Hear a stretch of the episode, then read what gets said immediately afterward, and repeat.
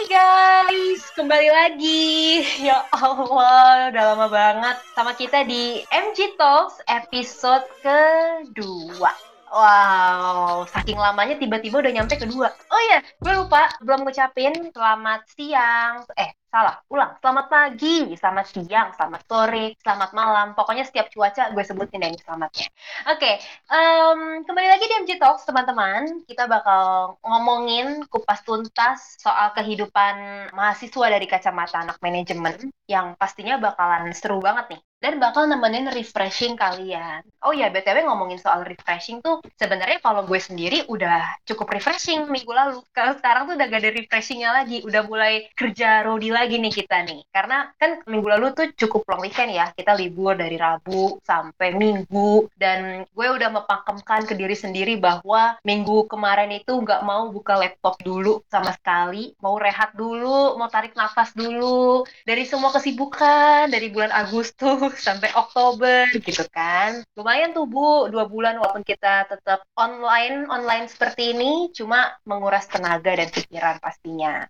Oke, okay, seperti biasa, gue di MG Talk tidak sendirian. Lagi-lagi tidak sendirian. Kayaknya emang gak pernah sendirian sih, karena uh, selalu berdua orang, bertiga orang. Nah, kali ini yang nemenin gue, ini ada sosok yang inspiring banget. Wih, inspiring, beken banget. Ini si ibu ini sebenarnya bekennya tuh nggak di antara anak manajemen doang. Satu FEB juga kayaknya tuh tahu dia. Nggak mungkin di antara anak manajemen doang. Dan gue sama ibu ini cukup sering berkomunikasi soal tugas, soal yang non-akademik pun juga, dan sering sekelas. Nah, pastinya bakalan asik banget nih langsung aja ya kita mulai hadirkan ada Erlagia Destrina.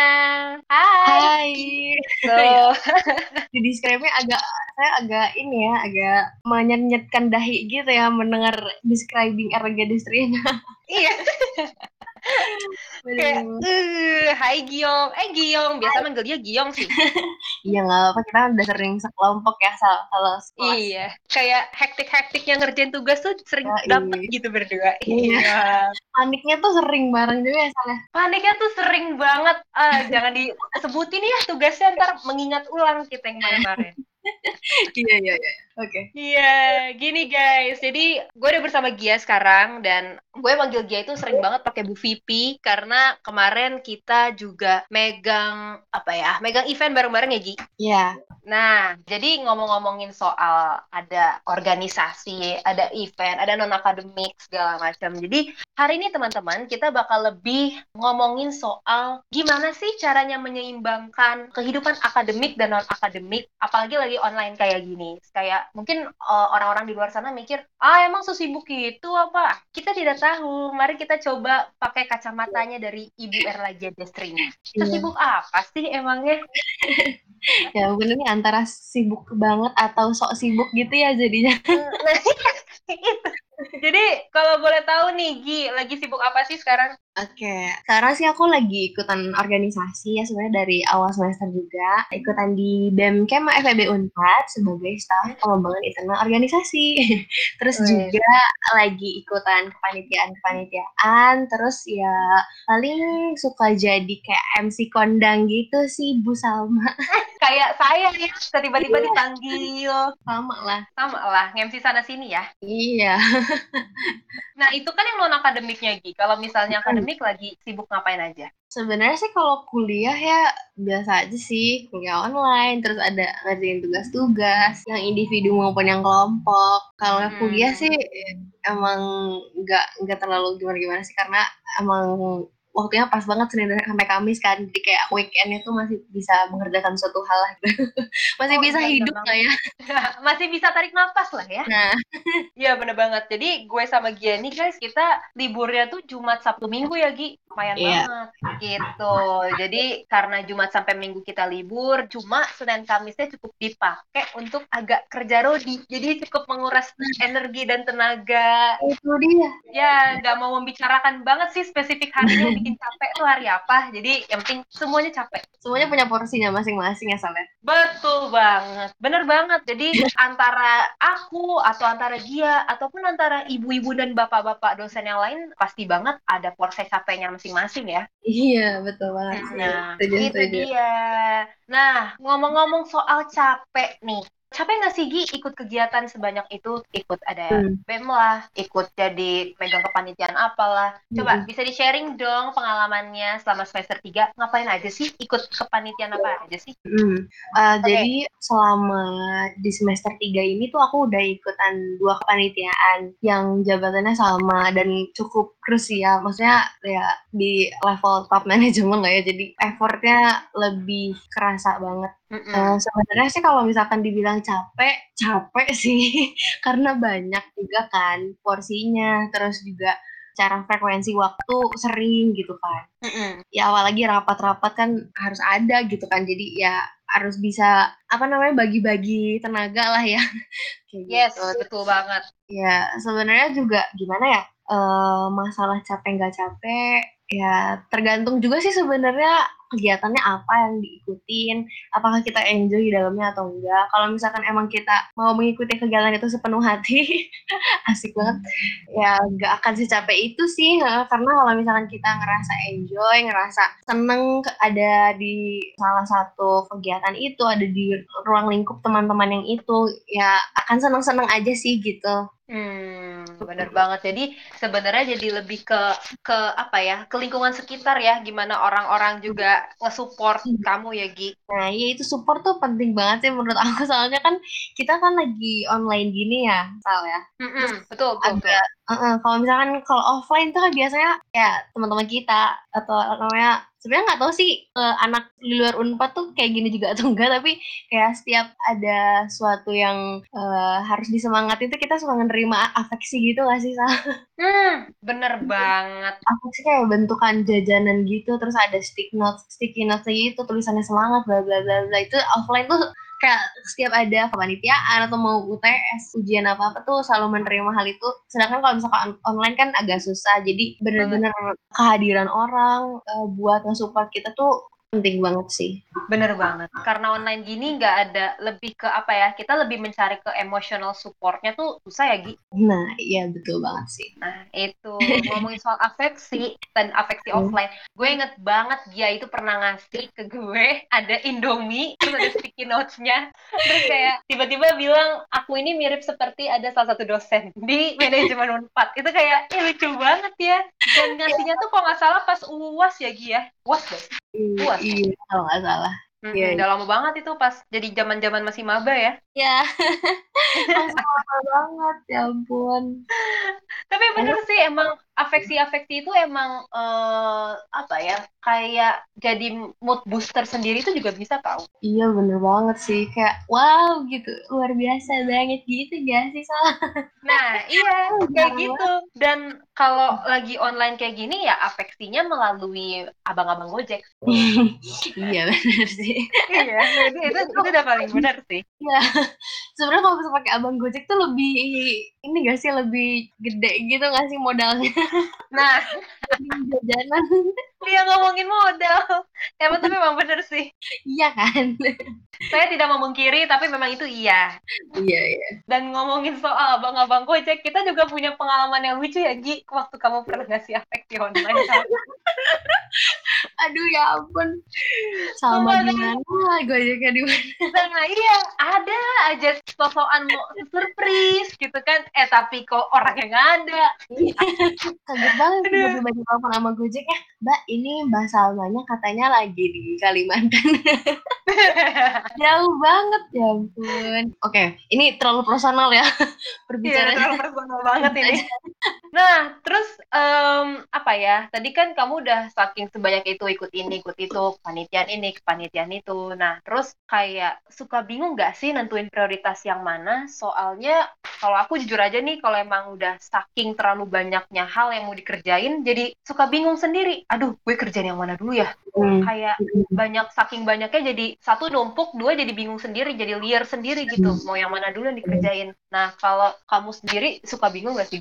Um, sebenarnya gini sih, kalau misalkan dari kegiatan-kegiatan yang banyak, itu sebenarnya yang bikin bingung milih prioritas itu ketika ada lebih dari satu kegiatan di satu waktu yang sama. Itu bingung sih, karena kan gak bisa ngebelah diri jadi amuba gitu ya, Nah, ya. harus milih salah satu. Sumpah Nah, gue iya banget. ya Terus lanjut. kan? Kalau misalkan ya kalau misalnya mepet-mepet banget ya udah dua device satu laptop satu handphone gitu. Jadi meetnya berdua eh berdua dua device gitu. Terus eh, sebenarnya sih yang ya itu satu bingungnya karena ada di satu waktu. Terus yang kedua bingungnya itu kalau misalkan eh misalkan nih aku jadi aku tuh sebenarnya kan eh, ya mungkin sama seperti yang dilakukan oleh teman-teman yang juga mungkin kesibukannya padat juga ya sehari-harinya pasti ada schedule tuh setiap hari Eh, misalkan dari bangun pagi itu ngapain, terus nanti ngerjain apa jam berapa, sampai berapa Mhm. lama, sampai nanti tuh eh misalkan nih aku harus ngerjain tugas itu dari jam 8 sampai jam 9. Nah, aku tuh nggak Mhm. boleh ngelakuin hal yang lain kecuali aku ngerjain tugas gitu di antara jam 8 sampai jam 9. Jadi ketika ada suatu hal yang mendadak itu aku tuh nggak bisa gitu sama hal yang mendadak kayak misalkan aku tuh jam berapa jam berapa eh Gi tiba-tiba ada ini ikutan yuk terus aku bilang Nah. ya Ya. Iya, jadi bingung lagi bingungnya tuh gitu karena kalau mendadak kan jadi gimana gitu karena kan jadwal seharian aku udah udah dipatok gitu loh aku harus ngapain jam berapa bener, gitu. bener banget. karena kalau Hmm. dijadwal tuh jadi keteteran banget ya sih Sal? Sama, jadi jadi berantakan aja gitu. Ya, apalagi kalau misalkan masalah tugas kan ada ada deadline-nya, terus juga kalau kepanitiaan juga ada hal-hal yang harus dikomunikasikan gitu. Kalau misalkan nggak dilakukan secara cepat juga sulit ya. apalagi kalau Nah. acaranya udah mau dekat gitu. Dan kalau misalkan oh ya ngomongin prioritas, ya itu sih balik lagi ke waktunya gimana. Apakah eh, si kegiatannya eh, mendekati hari H, ya itu harus diprioritaskan banget. Terus kalau misalkan ada urgensi dari si, hmm, misalkan ada yang harus benar-benar diurusin ya urusin satu juga gitu. Berarti kamu tipikal orang juga yang ini ya, well organized banget ya anaknya. Jadi maksudnya apa-apa terplanning, kayak ada jam-jamnya. Tapi karena aku juga gitu, Gi. Misalnya nih, kayak eh misalnya tidurnya udah kemalaman banget. Kalau udah kemalaman Hmm. pasti pagi bakal ngantuk banget kan. Nah, ngantuk Hmm. banget ini ntar bakal merembet nih sama jadwal-jadwal lain. Jadi misalnya ntar eh, karena bangunnya jadi siang, nanti siangnya jadi nggak tidur. Nanti jadi berantakan lagi semuanya. Apa kamu, kamu kayak gitu juga? Atau emang ya udah ngikutin aja? Hmm, hmm, hmm. Eh, sebenarnya juga kalau misalkan dibilang well organized, aku tuh gimana ya masih belajar juga sih ya mungkin sama-sama masih belajar ya kita. Di awalnya emang bikin jadwal kan, bikin jadwal bla bla bla bla bla. Tapi realitanya kadang-kadang tidak sesuai dengan ekspektasi. Nah, ya. itu. Kadang tuh bisa aduh ngantuk, aduh lapar nih, ditunda dulu apa ya gitu kan suka ada aja lah yang kayak gitu-gitu. Terus juga sebenarnya aku tuh sudah melewat ah ini enggak enggak enggak sebaik itu sih tapi kayak udah eh, apa sih udah ngerasain lah kalau misalkan menunda-nunda itu kan kurang baik ya Betul. Enak. terus juga jadi setting ini sih apa sih setting goals terus juga kalau misalkan udah bisa tercapai apa yang jadi jadwal kita jadi eh, apa namanya plan kita eh kita kasih reward sama diri kita sendiri gitu. Misalnya kita jajan apa gitu itu jadi self reward lah namanya. Terus kalau misalkan eh, eh, dari jadwal yang kita bikin terus kita nggak bisa ngikutin itu dengan baik ya ada punishmentnya sendiri. Misalkan aku dari uang jajan yang aku punya aku nggak boleh jajanin itu selama berapa lama gitu gitu sih jadi kayak menjerakkan diri sendiri gitu sih pada akhirnya Eh tapi betul loh, kayak soal self reward kayak gitu-gitu perlu ya Gi ya. Aku karena aku juga gitu. Misalnya kalau udah saking eh, lagi lagi di masa-masa sibuknya, masa-masa produktif banget gitu pada hari itu capek, terus kayak ah mau jajan ah gue, ah nggak apa-apa deh nggak ngerasa bersalah aja gitu. Misalnya mau beli apa, mau beli ini, kayak gitu nggak kamu? iya gitu Oke. karena kita udah udah berini banget gak sih Sal kita maksudnya eh, ya karena kita nggak punya orang lain untuk eh, rely on untuk depend on gitu ya udah kita depend sama diri sendiri aja yang bisa kita Betul. lakuin apa gitu kan Eh, sumpah bener banget, bener banget, bener banget, bener banget. Karena eh, jujur aja, ya gak usah online. Sebenarnya offline juga kalau mau terlalu rely on dan depend on banget ke siapa juga susah. Jadi emang apa-apa, bener-bener ah, ah, apa-apa lebih ke diri sendiri dulu deh, gitu. Mm. Ya nggak? Gitu. Tapi nih sebenarnya aku penasaran deh, kamu tuh tipikal anak yang anaknya tuh harus sibuk gitu, tiap hari harus ada kegiatan yang bikin jadi produktif atau yang ya udah seadanya aja sed sedikasinya gitu. Kalau emang sibuk ya sibuk, kalau emang enggak ya enggak. Gimana? Aku nggak ini sih, nggak apa ya, nggak mau pencitraan banget. Sesuai realita aja. Sebenarnya aku bukan tipe yang pengen sibuk sih. Cuman ngerasa apa ya? Aku ngerasa kufur nikmat kayak kalau misalkan uh, di, di sebanyak kesempatan yang ada di depan mata aku, aku nggak maksimalkan gitu. Kayak aku tuh ada di lingkung lingkungan FEB, lingkungan anak-anak manajemen, yang mana uh, kesempatannya tuh banyak banget untuk diambil dan aku ngerasa di awal-awal semester itu jadi apa ya namanya masa yang paling tepat sih untuk belajar banyak tentang kehidupan gitu ya karena Ah, betul, misalkan betul. mulai belajar di semester semester akhir ya sebenarnya bukan telat juga sih it's never too late to learn gitu. Tapi uh, maksudnya akan lebih cepat akan lebih baik kalau le- lebih cepat gitu kan belajarnya karena bisa lebih lebih belajar lebih banyak lagi kayak gitu. Terus ya apa ya namanya sebenarnya aku juga nggak ngerasa udah sangat produktif sih. Karena kan ya masih belajar juga lah gimana sih caranya uh, bukan hanya sibuk tapi itu bisa produktif gitu. Waktu-waktu yang kita kasih untuk uh, kegiatan-kegiatan kita tuh bukan hanya kita uh, sekedar udah nih beres dari jam segini sampai jam segini kita ngerjain suatu tapi tuh kalau produktif tuh kita bisa apa ya bisa bener-bener memaknai gitu loh setiap kegiatan yang Hmm. kita lakuin asik Nah, betul. Setuju, setuju, setuju, setuju. Terus, terus. Iya, iya terus uh, apa ya namanya kalau misalnya sibuk tuh ya kita bisa ngerjain apa melakukan hal apa dari jam sekian sampai jam sekian yang rentan waktu yang mungkin lama gitu ya kalau misalkan produktif ya kita ngerjainnya nggak nggak seintens itu nggak se ribet itu juga tapi ada waktunya buat sih ada waktunya buat apa ya buat benar-benar fokus ada waktunya buat istirahat buat leha-leha juga gitu itu produktif gitu beda lah sama sibuk yang bener-bener ngeforsir banget gitu Nah, tenaga betul, betul banget. Itu bener banget sih, Gi. Soalnya kayak, eh kalau soal produktif dan soal sibuk, kan aku juga pernah dengar istilah yang namanya toxic productivity itu ya. Jadi Nah. kayak, nah, jadi ketika aku tahu hal itu, kayak jadi mikir, sebenarnya diri kita dan tubuh kita tuh butuh yang namanya istirahat juga, gitu. iya betul banget sih ya kita juga butuh energi lah ya Sal ya Nah, untuk itu. ngegas lagi Yoi, kita charge dulu lagi nih, biar Iya. mau kerja Rodi lagi, gitu. Oke, sama ini mungkin juga bisa bisa jadi tips buat yang denger ya karena aku juga baru dapat ini nih eh, suatu tips yang menurut aku bisa bikin kita lebih produktif ya. Eh, Oh, apa tuh? Jadi tuh kan eh, kalau misalkan nih kita ada tugas eh, yang harus kita kerjakan dan kita punya waktu 60 menit gitu ya. Terus Hmm. eh, gimana sih caranya biar kita nggak terlalu banyak, kita nggak terlalu oke kita harus ngerjain tugas ini sama 60 menit. Kan itu eh, terlalu apa ya kayak nggak ada istirahat sama sekali kan jadinya. Aku Hmm. tuh pernah eh, ada di satu momen di mana aku ngerasa kayak gitu. Aku ngerasa wah aku ngerjain semua hal terus nih gitu. Kapan aku Hmm. istirahatnya gitu kan. Sampai aku menemukan eh, cara eh, kayak gini nih jadi kita itu eh, harus bisa punya self timer gitu kita Hmm. ngerjain suatu hal apa pun itu kita catat gitu loh eh, mau ngerjain apa apa apa aja terus aku tuh nge-set timernya itu kurang lebih 25 menit gitu saat 25 menit aku kerjain semua hal tanpa ada distraksi. Tanpa ada distraksi. Waduh sesuatu Inggris Nah. nih distraction.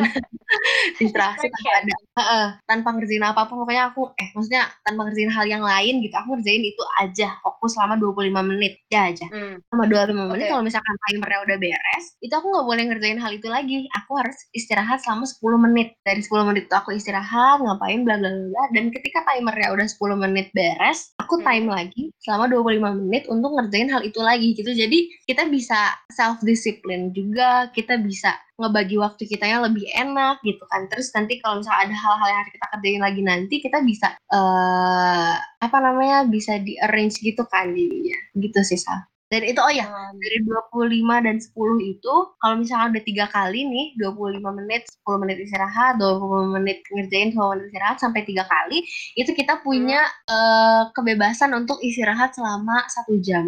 Gitu sih. Oh. Aku tuh dapat dari mana ya? Kalau nggak salah dari YouTube Learning gitu sih boleh banget tuh. Maksudnya jadinya kayak mengerjakan sesuatu semuanya nggak terlalu di apa ya, terlalu diburu-buruin gitu. Ada step by stepnya. Untuk kita yang ingin butuh kenyamanan asik. butuh me time. Nah itu dia. Butuh nonton nonton apa sal kalau dia tuh? kalau gue? Baru banget tadi ya kayaknya di foto kasih ke Gia lagi asik nih aku gitu. Iya nih ngajakin nonton bareng juga nih sama ini. Ya guys maaf guys. Tadi sebelum kita mulai ini uh, gue nonton Meror nonton Esi Judge. Mbak Nesi Mbak Nesi kalau dengar podcast ini halo saya teroris. Langsung ke Mbak Nesi ya. Langsung ngomong ke Mbak Nesi Judge aduh iya, oke okay. Tuh, teman-teman nih yang mendengarkan MG Talks tuh, boleh banget tadi sarannya dari Gia yang 25 menit dan 10 menit yang dilaksanakan selama tiga kali. Jadi kalau misalkan emang banyak hal yang harus dikerjakan tuh nggak terlalu terburu-buru dan nggak terlalu diforsir banget gitu. Masih tetap ada porsinya masing-masing. Oke, nah terus kalau misalnya ngomongin uh, lagi-lagi ngomongin kepentingan yang tadi cukup banyak dan banyak ngikut organisasi, pasti ada dong setiap ikut organisasi itu ada pengalamannya yang gak enak kan Gi. Nah, ada oh, nggak oh, sih pengalaman yang gak enakin selama kamu ikut berorganisasi? Mm. Selain organisasi juga ada kali ya, di kepanitiaan juga. nah, iya. Di semuanya deh, apa pengalaman yang gak enakin gitu? Hmm, mungkin aku akan ceritakan secara personal aja dulu kali ya, karena kan uh, ini mungkin sebagai cerita aja, karena uh, setiap orang pasti akan menghadapi suatu hal dengan uh, caranya masing-masing gitu ya. Jadi uh, sebenarnya, hmm, Aku tuh orangnya apa ya namanya? Karena tadi sebenarnya aku nggak mau bilang kalau aku tuh well organized ya karena belum 100% seperti itu, tapi aku berusaha untuk menjadi hal yang kayak gitu dan ketika uh, misalkan ya, uh, aku sudah menentukan kalau misalkan rapat itu jam berapa jam berapa gitu kan. Terus yang datang siapa aja siapa aja. Terus uh, gak enaknya tuh kalau ada hal yang mendadak sih. itu kayak bener-bener ruin deh semua. Sama. Plan yang aku bikin ya gitu gak sih? Jadi wah ini plannya gimana nih jadinya? Gitu kan. Seharian ini tiba-tiba aku jadi dadakan gitu kan. Nah, iya tiba-tiba dadakan. Terus uh, apa sih namanya? Uh, bukan hanya mendadak tentang waktu tapi misalkan mendadak tentang informasi-informasi juga.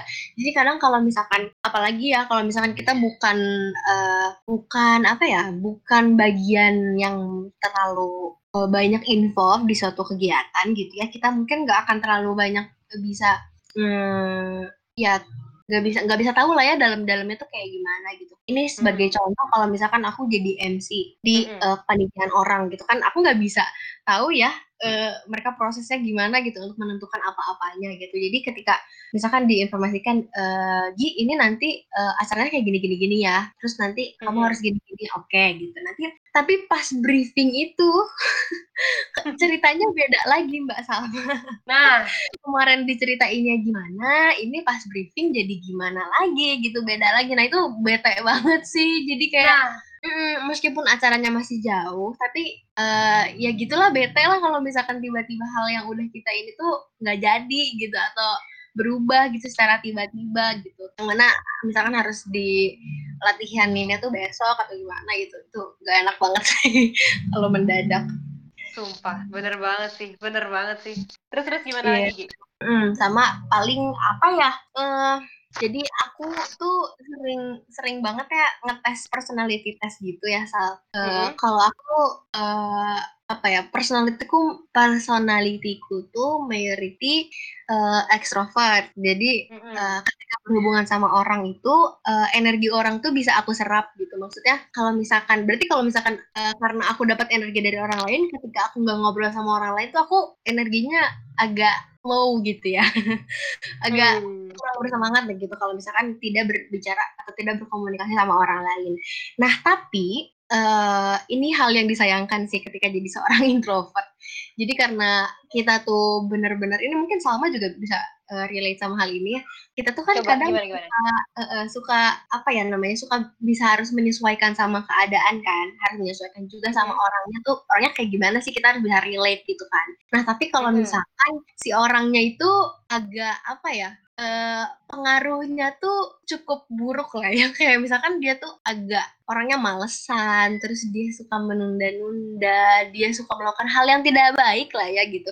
Nah, kadang-kadang tuh kita tuh suka jadi keikutan gitu guys sih satu keikutan dia, dua kalau nggak nggak keikutan kitanya sendiri yang gregetan, iya nggak tuh? iya iya banget iya banget. Terus apa ya namanya maksudnya ya ini bukan masa kayaknya bukan masalah extrovert introvert sih sebenarnya. Cuman yang yang bisa jadi opini pendukung tuh ya karena kita kita tuh ngelihat orang banget gitu. Kita tuh enggak kita sih aku sih kayaknya. Aku tuh ngelihat ngelihat orang banget gitu. Kalau misalkan orang gimana tuh aku tuh bener-bener menyesuaikan gitu loh eh dia Hmm. kayak gimana gitu. Jadi kadang kalau misalkan si orangnya talkative aku akan bisa lebih talkative. Kalau misalkan orangnya pendiam aku jadi malas ngomong juga gitu. Kayak gitu-gitu. Ah, ya kalau misalkan di organisasi di kepanitiaan kan eh, ketemu orangnya beragam ya Sal ya mm-mm, Eh, betul, kadang betul. juga orang-orangnya ada yang personalitinya cocok sama kita ada juga yang enggak gitu dan ya yang personalitinya enggak cocok itu agak effort sih karena Nah. harus menyesuaikan gitu dia sukanya apa aku sukanya apa kalau misalkan aku ngelakuin ini dianya nggak suka gitu kan jadi ya harus harus bisa banyak ngobrol lah gitu Benar, benar, benar, benar, benar. Gue setuju sama Gia untuk yang ini. Setuju banget, sumpah. mantap Mantap. Terus kalau ngomongin soal ekstrovert dan introvert, eh, sama.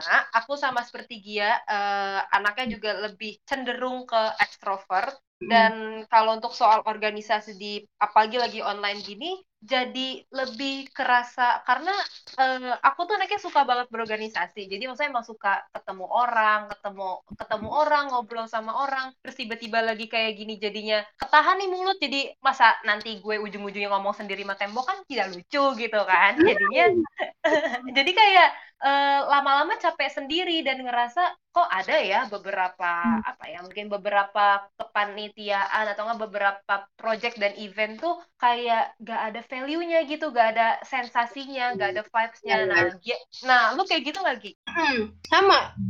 Aku juga gitu. Eh, bener-bener kayak aku tuh sangat menyerap ya. Sangat menyerap hal yang terjadi di lingkungan aku.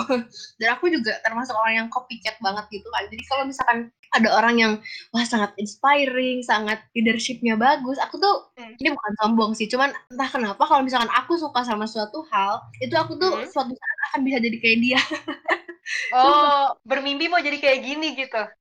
nggak nggak tahu sih ini mungkin karena eh, aku ngelihat suatu hal aku suka sama eh, kegiatan itu eh, mungkin juga jadi semangat gitu kali ya asal ke diri aku sendiri jadi semangat terus Benar-benar. nggak tahu kenapa sebenarnya nggak nggak terlalu effort kayak belajar apa gitu. Enggak nggak tahu kenapa kayak tiba-tiba aja aku tuh tersugestikan untuk jadi kayak dia gitu Tapi bener tau nggak apa-apa kayak gitu. Terus terus gimana? Ya, tapi bednya tuh kalau misalkan kita ketemunya sama orang yang tidak inspiring. Maksudnya bukan tidak inspiring ya, kayak kurang kurang berpengaruh baik gitu ya. Dia ngasih pengaruh yang cukup buruk lah ya. Nah, itu tuh kalau misalkan dia ada di lingkungan aku, aku tuh karena orangnya copycat, ya Heeh, gitu. copycat. Kadang bisa bisa kayak dia juga gitu. Jadi ya bener-bener lingkungan tuh bener-bener di ini banget lah. Gampang terpengaruh ya, Gi ya. sebenarnya bukan gampang terpengaruh juga sih. Aku tuh eh apa ya menyesuaikan gitu kan Hmm. judulnya tapi ya kalau misalkan tapi sebenarnya kalau misalkan ngerasa apa ya wah ini udah udah udah kurang baik nih udah terlalu misalkan terlalu gimana gitu ya iya bisa di ini sih ya karena punya inilah masih punya prinsip lah Iya, sama lah. betul Tapi kayak emang bener sih, kalau misalnya, kalau aku sendiri di ada satu organisasi, misalnya, adalah mungkin beberapa eh, event, misalnya ngejalaninnya males-malesan, orang-orangnya juga ikutan banyak yang nggak jelas, lantang Hmm. luntung nggak jelas, gara ada kepastian gitu kan. Nah aku sendiri juga jadi ikutan ah malas ah gue. Ah udah ah, terserah deh Iya, deh gimana deh? Kayak gitu. Kayak gitu kayak gitu. Tapi sebenarnya juga itu eh, jadi kekurangan aku juga sih Sal. Sama karena kan eh, ketika nanti kita udah dewasa kita bukan jadi pengikut lagi kan. Maksudnya kita kemungkinan akan jadi ya harapannya sih ya jadi orang yang besar di masa depan nanti gitu ya. Kalau misalkan dalam ruang lingkup yang kecilnya juga eh, di keluarga mungkin kalau misalkan kita udah berkeluarga kan kita juga bakal jadi panutan gitu ya buat panutan. Yes Heeh, betul banget. ya itu belajar jadi belajar banget gitu ya Sal ya sekarang-sekarang. Aku Mm-mm. juga belajar banget gimana sih caranya biar nggak terlalu terpengaruh sama eh, suasana yang terjadi gitu. Tapi kita juga harus bisa mau untuk meningkatkan suasana yang ada gitu. Nah. Ya nggak sih? Ya, betul betul banget. Jadi bener banget karena kalau aku mungkin sekarang ngelihat masih ada beberapa teman teman-teman aku yang masih optimis untuk menjalani sesuatu, apalagi Hmm. online gini dan organisasinya juga Hmm. mungkin sekarang diubah ke online dan sumpah aku masih melihat kok beberapa teman-teman aku yang optimisnya tuh optimis banget dan jadi karena keoptimisan dia acaranya juga jadi ya udah ke bawahnya ya sukses Hmm. sukses sukses aja gitu. Jadi Mm, susah sih jadi kayak gini tuh sebenarnya. mm, mm. Mm-mm, bener banget. Nah, Oh, eh, kalau organisasi kan nggak mungkin dong cuma pengalamannya dong dan beberapa da- ada beberapa hal yang nggak enak. Yang Hmm. paling nggak bisa kamu lupain tuh hal yang jadi mungkin lebih ke pengalaman yang berkesan kali ya. Kalau selama kamu ikutin eh, beberapa kepanitiaan organisasi selama ini apa aja sih yang pengalaman yang berkesan itu Gi? Oke, ini Hmm, eh, gimana tuh? agak lucu sih. Ini yang pertama dulu ya. Jadi, eh, kan kalau di kita tuh semester 1 masih belum bisa ikut organisasi ya, masih baru beres ospek, masih eh, masih bolehnya tuh ikutan kepanitiaan-kepanitiaan. Dan dari semester 1 aku udah eh, mencoba ikut kepanitiaan juga. Eh, Mhm. Waktu itu ya adalah punya satu kepanitiaan yang mana banyak involve sama kating-kating, sama angkatan-angkatan atas gitu. Jadi eh, itu satu banyak banyak kenalan banget sama kating-kating manajemen eh, 2018, 2017, 16 terus juga eh, karena udah kenal sama katingnya manajemen nih terus dari situ mulai dikenalin lagi sama anak-anak FEB gitu secara luas gitu. Itu yang pertama banyak relasi. Seneng banget sih. Sebenarnya belum belum sebanyak itu sih cuman eh, alhamdulillah lah udah mulai bisa mengenal eh, dunia yang luas gitu ya. Hmm, hmm, hmm, gitu yang kedua eh jadi tuh eh, karena kan dulu offline tuh kalau kepanitiaan kan rapatnya pasti eh, di tempat nongkrong gitu kan di tempat makan. Hmm, bener banget. kalau enggak ya di FEB gitu kan. Eh, di selasar-selasarnya gitu. Itu tuh eh, nggak mungkin banget nggak ketemu orang lain kan. Pasti ada aja lah yang eh, ketemu ketemu sama siapa gitu kan. Karena Jatinangor segitu segitunya aja kan ya. Jadi pasti ketemu. Iya kan ketemu sama orang. Situ lagi, situ lagi. Orang Hmm. ngomong di sini lagi, di sini lagi gitu kan. iya ketemu ketemu mulu jadinya terus eh, jadi aku tuh eh, pernah di satu kepanitiaan yang isinya tuh eh, anak 19 sama anak 18 manajemen Oh, oh. Eh, di anak 18 ini dia tuh kenal sama anak 17 lagi sama anak 16 gitu jadi kita Hmm. eh, dikenalin terus eh, ini agak lucu sih jadi dari dikenalin di situ aku tuh Heeh. bisa sampai bisa sampai mulai ngerintis bisnis sama si cuttingnya itu Oh iya. ya heeh. Wow. Iya, masih, masih merintis sih masih ya masih belum besar besar banget ya masih berencana Hmm. berusaha juga lah untuk untuk ngeraba-raba si target eh, pasarnya gitu-gitu Eh, dan tapi itu lucu banget sih ya kayak kita tuh nggak kenal terus tiba-tiba dikenalin sama kating-kating udah dikenalin ngajak ngobrol terus ternyata nyambung gitu loh ngobrolnya terus ya udah makin Heeh. lama makin ngobrol Eh, sebenarnya kita nggak pernah berpikiran untuk bikin bisnis kita kayak cuman ya biasa aja gitu cerita-cerita chat setiap hari gitu sama si tetehnya tuh terus eh tiba-tiba jadi bisnis gitu kan gitu itu bersyukur banget sih bisa ketemu sama dia oh ya dia Oh, keren banget sih. dia manajemen 2017 namanya Teh Resi sih udah pada tahu sih Hmm. terus ini Teh Resi ini keren banget sih di manajemen juga termasuk orang yang inspiring ya Sal ya di Betul, FEB betul banget. Hmm. Hai Teresi. Hai Teresi. Iya itu Teresi. Terus udah gitu, em, aku nggak tahu sih mungkin karena emang pada pada masa itu fasenya aku berkenalan sama orang-orang. Nah jadi dari Teresi juga kan deket tuh ya. Eh udah gitu ya udah kenalan lagi tuh sama circle-nya Teresi. Sama oh ini jadi nyebut Teresi nih. Kayak nyebut yang lain deh. Uh, circle-nya temen-temen cutting aku. Nah ketemulah sama ini sama itu sama ini sama itu. Terus uh, apa ya namanya? Ya seneng aja gitu sih Sal. Ketemu sama yang baru eh ketemu sama yang udah mau skripsi. Terus cerita-cerita skripsi itu gimana sih kak? Gimana sih teh? Gitu kan. Gitu sih Betul banget, benar banget. Setuju, setuju, setuju. Karena ketika sebenarnya ketika kita punya banyak kenalan dan banyak relasi itu uh, lebih apa ya, Gi? Lebih ceritanya tuh lebih macam gitu yang kita dapetin. Tapi ini emang beneran bukan kayak ih, sama ngomong gini klise banget dahulu kayak emang iya, tapi emang beneran sumpah uh, para pendengar MG Talks harus ngerasain yang namanya coba deh bangun relasi sebanyak mungkin, hmm. kayak cari temen sebanyak mungkin itu beneran karena kayak uh, hmm. eh, gak usah dari manajemen aja, gak usah dari FEB, mungkin dari fakultas lain pun kayak kayak kita bisa tahu nih cerita-cerita mereka gimana, kesusahan yeah. mereka apa, kesulitan mereka gimana dan kadang beberapa ada hal-hal yang bisa nyambung di kita gitu loh Gi. Hmm, betul. Hmm, betul banget. Jadi yeah. um, apa ya kalau untuk soal membangun relasi, kalau orang bilang, "Iya, nanti kalau kalian kuliah carilah relasi sebanyak-banyaknya." Itu beneran. Jadi jangan dianggap kayak cuma omongan biasa, cuma ala klise banget dah lu gitu. Itu beneran, yeah. sumpah. Iya benar sih, benar banget sih. Uh, relasi itu salah satu jembatannya menuju dunia yang lebih luas gitu kan ya. Asalkan yes. kita juga nggak tahu ya sebenarnya hal yang terjadi sebenarnya tuh kayak gimana dan dengan kita kenal sama orang kita jadi banyak ngobrol, kita jadi banyak tahu, banyak belajar juga gitu. Tapi nah. sebenarnya nah. sih uh, tidak memaksakan juga sih kayak tiap orang tuh punya jalannya masing-masing, punya caranya masing-masing untuk bisa belajar dan ya mungkin kalau misalkan kita kita lebih relate untuk cari banyak teman-teman, cari banyak uh, orang-orang yang bisa diajak ngobrol gitu ya Sal ya. nah, tapi ada juga orang yang itu dengan uh, mencari informasi sendiri untuk bisa uh, belajar lebih banyak itu kayaknya ada deh yang kayak gitu Sal. Nah, iya iya iya benar banget. Uh, aku juga setuju kalau misalnya emang setiap orang punya caranya masing-masing gitu. Karena hmm. kalau menurut aku uh, belajar itu tuh cuma gak cuma kalau ibaratnya belajar itu gak cuma di sekolah doang, Gi. Belajar tuh bisa di mana aja. Dari lingkungan sekitar juga kita kita tuh bisa belajar, kita tuh bisa tahu kalau uh, dunia tuh nggak sesempit itu loh, dunia tuh luas banget gitu. Ya, Gitu guys. Wow. Seperti dari Diana sama Tira sekarang. Keren banget sama Tira emang. Sekarang jadi podcaster. Besok-besok jadi Miriana jadi motivator gue. Asik. Amin gak nih? Amin gak oh, amin. Amin dong. Yang terbaik buat sama Tira ya.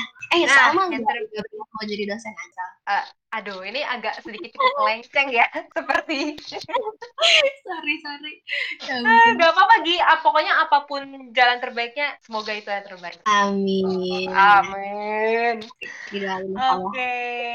Nah, ini um, kita udah sebenarnya udah masuk ke penghujung sini, Gi. Wah, wow, nggak kerasa ya? Uh, gak kerasa ya. Nah, Dari... ini last but, last but not least. Jadi, um, kan Gia ini udah aktif banget ya semenjak jadi maba juga kan. Nah, karena udah cukup aktif jadi maba ini, ya terus ada nggak tips tertentu supaya tips tertentu buat uh, teman-teman pendengar MG Talks supaya kita bisa lebih aktif, bisa lebih pede, terus juga um, bisa lebih menyeimbangkan antara akademik hmm. dan non akademik oh, iya. gitu. Dengan coba deh gimana cara Gia dan tips dan trik dari Gia buat teman-teman semua.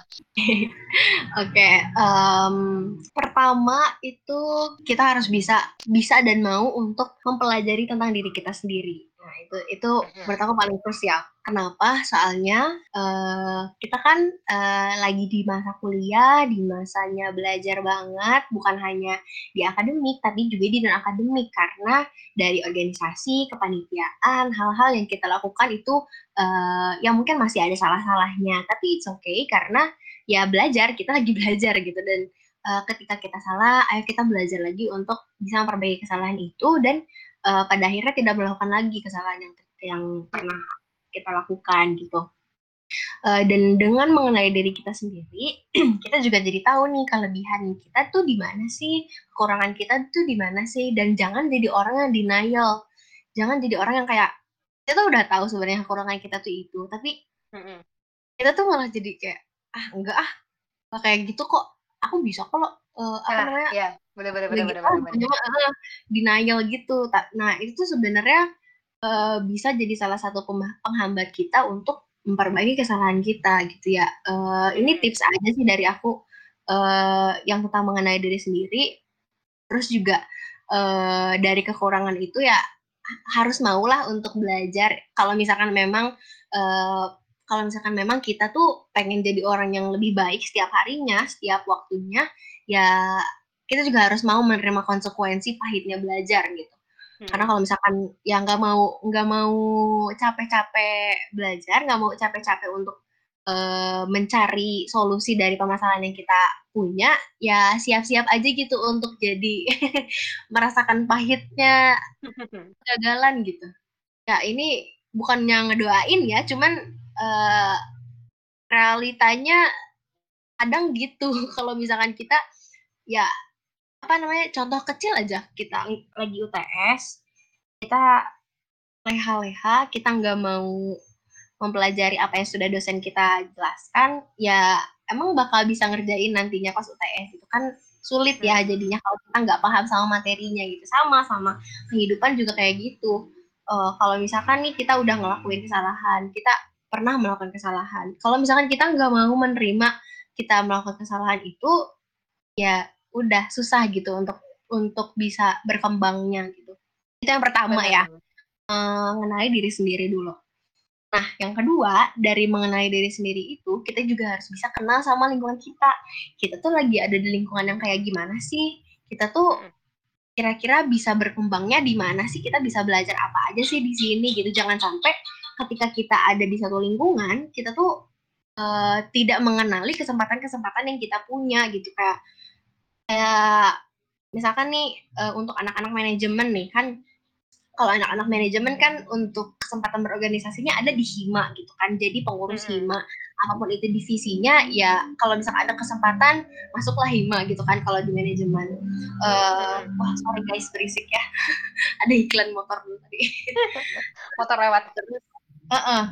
Nah, terus uh, kalau misalkan juga nih kita uh, tidak mengenali kebutuhan dari lingkungan kita, ya akan sulit juga gitu kita untuk bisa relate sama lingkungannya karena uh, hmm. kita nggak hidup sendirian kan di dunia ini. Dunia ini tidak berputar untuk diri kita sendiri asik. Asik. Wow, wadidaw. Iya, itu quotes dari NKCTHI ya, guys.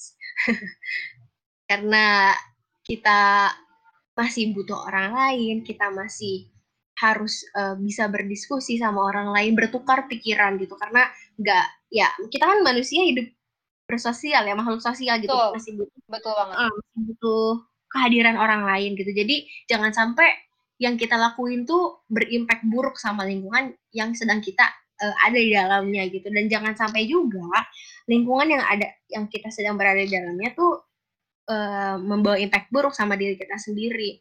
Uh, itu ya karena mengenali uh, lingkungan kita kayak gimana kalau misalkan memang ya toksik atau kayak membawa pengaruh buruk ya segera mungkin tinggalkanlah uh, lingkungan uh -uh dan juga uh, karena tadi oh ya lupa aku lupa nyampein yang tadi dari uh, mengenai diri sendiri itu selain mengenali kelebihan dan kekurangan ya itu juga bisa setting goals di awal. Kamu mau jadi apa sih nanti di masa depan? Kamu mau ketika kamu lulus tuh kamu dikenal sebagai orang yang kayak gimana sih? Nanti kalau hmm. misalkan kamu ikut organisasi kamu tuh pengen orang-orang nganggep kamu kayak apa gitu. Dan itu tuh akan membentuk jalan kita sendiri, kita tuh bakal ngelakuin hal apa aja. Kalau misalkan nih sebagai contoh, uh, misalkan, uh, ada seseorang yang ketika di organisasi itu pengen jadi orang yang intelek gitu, dia pengen dianggap sebagai orang yang ketika berpendapat, dia selalu berpendapat dengan data, dengan fakta-fakta yang benar-benar terjadi gitu, dan hmm. ketika dia udah punya keinginan itu, dia juga akan melakukan hal-hal yang akan menunjang keinginan dia sendiri, dia akan mencari artikel-artikel yang bisa ngedukung opini dia, dia nantinya akan nge-quotes dari artikel itu yang bikin artikelnya siapa, dan dia akan menjelaskan uh, ketika dia berdiskusi gitu, dan itu uh, juga akan bisa pada akhirnya uh, mencapai goals yang dia inginkan, itu hal kecil sih sebenarnya. Sama juga kalau misalkan nanti ketika lulus pengen dikenal sebagai apa, ya berarti kita harus ngelakuin apa aja nih sebelum lulus. Uh, ketika ada keinginan nih kita ketika ada keinginan untuk melakukan suatu hal, ketika ada keinginan kita untuk mencapai sesuatu, jalan tuh bakal ada aja gitu nggak sih? Nah, bener iya. banget, bener gitu. banget. Karena kalau kata orang di situ ada di situ ada niat ter apa sih gue lupa kan jadinya niat terbitlah sebuah usaha gak tau gue gue lupa pokoknya ah, iya, iya. semuanya guys segala sesuatu itu emang didasari oleh niat gitu. Mm, betul banget sama juga oh ya tadi kan udah poin kedua ya mengenal lingkungan. Terus apa lagi ya? Kayaknya ah, itu pegang aja sih poin satu dan dua mengenali diri sendiri, setting goals, kelebihan kekurangan, sama yang kedua mengenali lingkungan. Kalau misalkan baik, kita uh, serap kebaikan hal kebaikan itu dan uh, kenali juga lingkungan kita seperti apa. Juga kalau misalkan lingkungannya tidak terlalu baik, ya uh, kalau misalkan masih bisa untuk diperbaiki, untuk bareng-bareng bisa berkembang, ya itu lebih baik. Tapi kalau misalkan nggak bisa, uh, carilah lingkungan yang lebih baik gitu nah. sih. Oh iya, buat aktif dan pede ya tadi ya sama. Mm -hmm. Ya, ya nah, tadi tuh aku ngomonginnya secara general ya karena uh, apa ya? Ya setiap orang kan punya targetnya masing-masing dan semoga aja dengan dua poin tadi uh, kita bisa sama-sama clearing our goals ya. Jadi uh, jelas juga mau gimana ke depannya. Cuman untuk kalau specifically menjadi orang yang aktif dan pede, uh, jujur aku masih belajar juga sih untuk jadi orang yang kayak gitu. Uh, tapi uh, apa ya namanya? Kalau misalkan aku pribadi, aku tuh akan pede kalau misalkan uh, aku bisa mengerjakan hal itu. Misalkan di suatu kepanitiaan, hmm. aku berarti harus memilih uh, divisi yang uh, emang aku bisa gitu, emang aku uh, jago di dalamnya atau emang aku pengen belajar gitu di situ. Dan ketika uh, ada keinginan untuk pengen belajar, aku juga uh, ada semangat dong pasti ya Sar ya. Ada semangat Tuh. untuk bisa ya ya udah gitu nggak apa salah gitu. Tapi aku harus berusaha kayak gitu. Terus juga uh, apa ya? Uh, coba di list ketakutan-ketakutan apa aja yang selama ini ada di pikiran kita, yang selama ini jadi hambatan buat kita. Coba kalau misalkan memang realistis, hal itu coba dicari tahu gimana sih caranya biar bisa menanggulangi ketakutan itu, biar bisa jadi ya belajar lah gitu. Oke, ada iklan azan teman-teman. Halo, Ibu Gia, sudah ada? Hai, sudah. Dan iklan dulu ya. Azan guys. Ya, boleh lanjut. Hmm. Hmm. Yang paling penting itu sama ya jangan lupa aja uh, kalau misalkan bikin tujuan kita tuh tujuan tuh menurut aku penting banget penting sepenting itu tujuan ya sama dengan niat lah ya uh, tujuan kita tuh bisa harus bisa benar-benar diperjelas gitu loh kita tuh mau ke mana nya kita mau kayak gimana nya diperjelas aja. Karena dari tujuan itu juga bisa uh, mengarahkan kita bakal kayak gimana sih kita bakal melakukan apa gitu kan. Uh, terus juga dari tujuan itu juga bisa jadi pengingat nih buat di tengah-tengah aduh sorry di tengah-tengah perjalanan kita. Kita misalkan punya tiga, tiga tahun untuk mencapai sesuatu terus uh, karena kita punya tujuan kita pengen dalam tiga tahun itu kita udah bisa dapat duit sebanyak 25 juta misalkan ya. Terus ketika kita udah punya tujuan itu di awal ketika misalkan di tahun kedua kita mulai merasa aduh capek nih susah nih nyari duit susah banget gila gitu kan. Nah tapi ketika kita bisa ngingat lagi tujuan kita oh ya kan dalam tiga tahun aku harus dapat 25, 25 juta misalkan untuk uh, bisa uh, pakai bisa buat dipakai untuk biaya pengobatan orang tua misalkan gitu kan. Jadi dari dari tujuan itu kita bisa nge-recharge lagi gitu. Jadi usahakanlah untuk bikin tujuan semulia mungkin dan tujuan sejelas mungkin di awal sebelum kita melakukan suatu. Gitu sih. Bener banget. Bener banget. Karena sebenarnya dari kalau menurut aku dari visi, misi dan tujuan diri sendiri itu akan kelihatan value kita tuh di depan di eh sorry kok di depan di mata orang tuh seperti apa sih gitu kan? Iya betul banget. Jadi nah. semangat kita juga sih. Gitu guys. Ya wow. gitu lah uh, uh, ya ampun. Nih uh, udah pas satu jam nih ngobrol sama Dia nih. Mantap. Mantap banget memang. Uh, Oke okay, teman-teman, kita jadi itu saja untuk episode MG Talks untuk kali ini. Uh, sebelumnya mau terima kasih banget buat Ibu Erlagi oh, Destrina sudah mau diundang. Uh. Makasih Salma, makasih editor, makasih semua. iya, makasih ya Salma ya. Makasih juga buat uh, teman-teman Hima Manajemen. Semoga MG Talks-nya bisa eh betul ini baru tahun pertama ya untuk MG Talks ya? Iya dong, kan baru. Nah, iya, Keluaran terbaru. Semoga, uh, uh, semoga podcast ini bisa jadi brandingnya. bisa amin. eh amin, amin banget. Ntar siapa tahu jadi kayak tempat bercakap gitu kan. oh, Bercakap-cakapnya gimana kalau nanti tiba-tiba ada nasi judge? Nah, tiba-tiba kalau nah tuh editor kalau gara-gara saya bisa ngundang nasi judge itu keren loh. keren banget, keren banget. Oh, ini editornya langsung sampai speechless ya. ya sukses ya untuk teman-teman Hima Manajemen. Dapat semangat tuh guys dari Gia dan oh ya terima kasih banget buat Gia atas udah meluangkan waktunya dan iya. terima kasih untuk teman-teman pendengar MG Talks untuk episode kali ini. Semoga hmm. tadi uh, aduh apa ya bermanfaat banget obrolan dia dan aku hari hmm. ini karena terutama hmm. untuk um, di masa pandemik seperti ini, gimana cara memanage waktu, cara menyeimbangkan keduanya agar tetap balance dan stabil itu bukan sebuah hal yang mudah gitu. Mungkin kalau kelihatan hmm. di depan yang lain, ah kayak gampang-gampang aja deh. Oh nanti lo kuliah, ntar lo kelas, jam berapa, hmm. habis itu nanti lo organisasi, ntar ada ini. Itu jujur aja tidak mudah guys. Jadi uh, gimana cara membuat semua ini menjadi mudah? tonton. Eh tonton. Salah kan gue? Mendengarkan episode MG Talks untuk kali ini. Ya setuju banget. yo MG Talks ini semoga bisa banyak luas manfaatnya. Amin. Terima kasih. Sama-sama. Kasih juga ya Salma sudah menjadi uh, eh, MC atau MC pembawa podcast dengan baik ya Sama-sama Gian, makasih balik. Oke, okay, um, karena sudah selesai dan sudah selesai juga dan apa yang mau dibahas juga udah beres.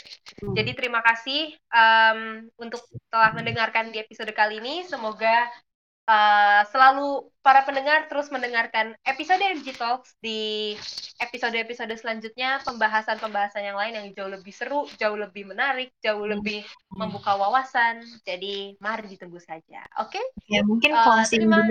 Apa tuh closingnya? Mau closing apa dari Bugia nih? Ayo ada apa? Oh, ada beberapa hal yang mungkin bakal disampaikan sedikit doang sih sebenarnya. Uh, karena tadi juga sempat disinggung ya tentang pandemi. Um, hmm um, gimana ya? Gimana ya? Jadi bingung. Gimana ya? Jadi bingung. Buat teman-teman pendengar MG Talks, uh, terima kasih sudah meluangkan waktunya untuk mendengarkan podcast uh, bersama aku dan Salma. Um, terima kasih juga untuk yang selama ini sudah mau untuk berjuang lebih keras lagi untuk bisa uh, mencapai tujuannya masing-masing. Terima kasih juga udah bikin tujuan yang mulia untuk masa depan kalian. Um, satu hal yang harus diingat sama kita semua, uh, khususnya kita ya para mahasiswa dan mungkin juga mahasiswa manajemen secara spesifik, teman-teman, we're all in this together. Jangan pernah merasa sendirian untuk uh, berjuang di masa pandemi ini kita semua uh, merasakan pahit yang sama kita semua Betul. ada di dunia yang sama di bumi yang sama di ruang lingkup yang sama juga uh, pasti ada aja orang-orang yang bisa memberi pelukan untuk kalian semua memberi support dan ucapan semangat yang hangat untuk kita semua jangan pernah merasa untuk uh, jangan pernah merasa untuk kehilangan harapan dalam setiap hal yang teman-teman lakukan. Kita nggak akan hidup selama itu. Hidup mah nggak akan ya nggak akan lama-lama lah. Kalau kalau misalkan jadi kasih tujuannya kita untuk berbuat baik aja ketika uh, kita kita sudah setting goals kita untuk berbuat baik sampai kita mati nanti nggak akan lama-lama juga gitu karena kalau misalkan besok kita mati ya udah berbuat baiknya sama besok aja gitu. Jadi jangan sampai uh, membuang-buang waktu yang kita punya sekarang meskipun kita punya waktu yang luang mungkin ya di masa pandemi ini nggak terlalu banyak interaksi sama orang nggak terlalu banyak ke sana ke sini jadi manfaatkanlah waktu-waktu yang kita punya uh, semaksimal mungkin. Dan juga kalau misalkan teman-teman sama nih kita sama-sama sibuk kita sama-sama sering depan laptop terus nih mata udah merah punggung udah pegal ya kan kaki udah kaku banget di badan. Nah itu dia. Kaku banget. Jangan lupa olahraga teman-teman. Jangan lupa mandi juga. Makannya jangan telat. Terus juga jangan lupa untuk komunikasi juga sama orang-orang yang di rumah. Karena uh, meskipun ya emang ada waktunya sih untuk sibuk, untuk ngobrol-ngobrol, tapi ya usahakan uh, sisihkan waktu juga yang banyak untuk keluarga di rumah, karena kita posisinya sedang ada di rumah gitu. Kalau misalkan, ya meskipun teman-teman ada yang mengira, ada yang merasa aku lebih nyaman sendiri di kamar gitu, aku lebih nyaman untuk dengerin lagu-lagu di kamar sendirian kencang-kencang gitu kan. Ya it's okay, it's your preference, tapi saran aku uh, bersosialisasi lah ya uh, dengan orang-orang di, di di rumah karena juga uh, kita bukan hanya kita nih yang butuh support tapi keluarga kita juga butuh support dari kita. Butuh ngobrol sama kita butuh bertukar pikiran sama kita dan butuh semangat yang hangat dari kita. Gitu sih Sal. Mantap. Keren keren keren. Jadi dari semua omongan dia tadi yang bisa kita simpulkan adalah peace love and gaul. Wah keren juga ya. keren kan? Peace love and gaul. Con conclusionnya adalah peace love and gaul. Itu bener. Iya bener-bener. Ini kayaknya bisa jadi bisa jadi judul podcastnya kali ya peace love and gaul. eh, iya iya iya TV bisa tahu. Eh tolong editor, halo editor nanti kalau judulnya bisa dibuat peace love and gaul ya. Oke, okay, peace love and gaul di masa pandemi asik. Asik, asik banget dah. Oke deh, um, mari kita cukupkan untuk hari ini. Uh, untuk episode kali ini, terima kasih untuk semuanya. And see you in another episode. Bye. Bye-bye.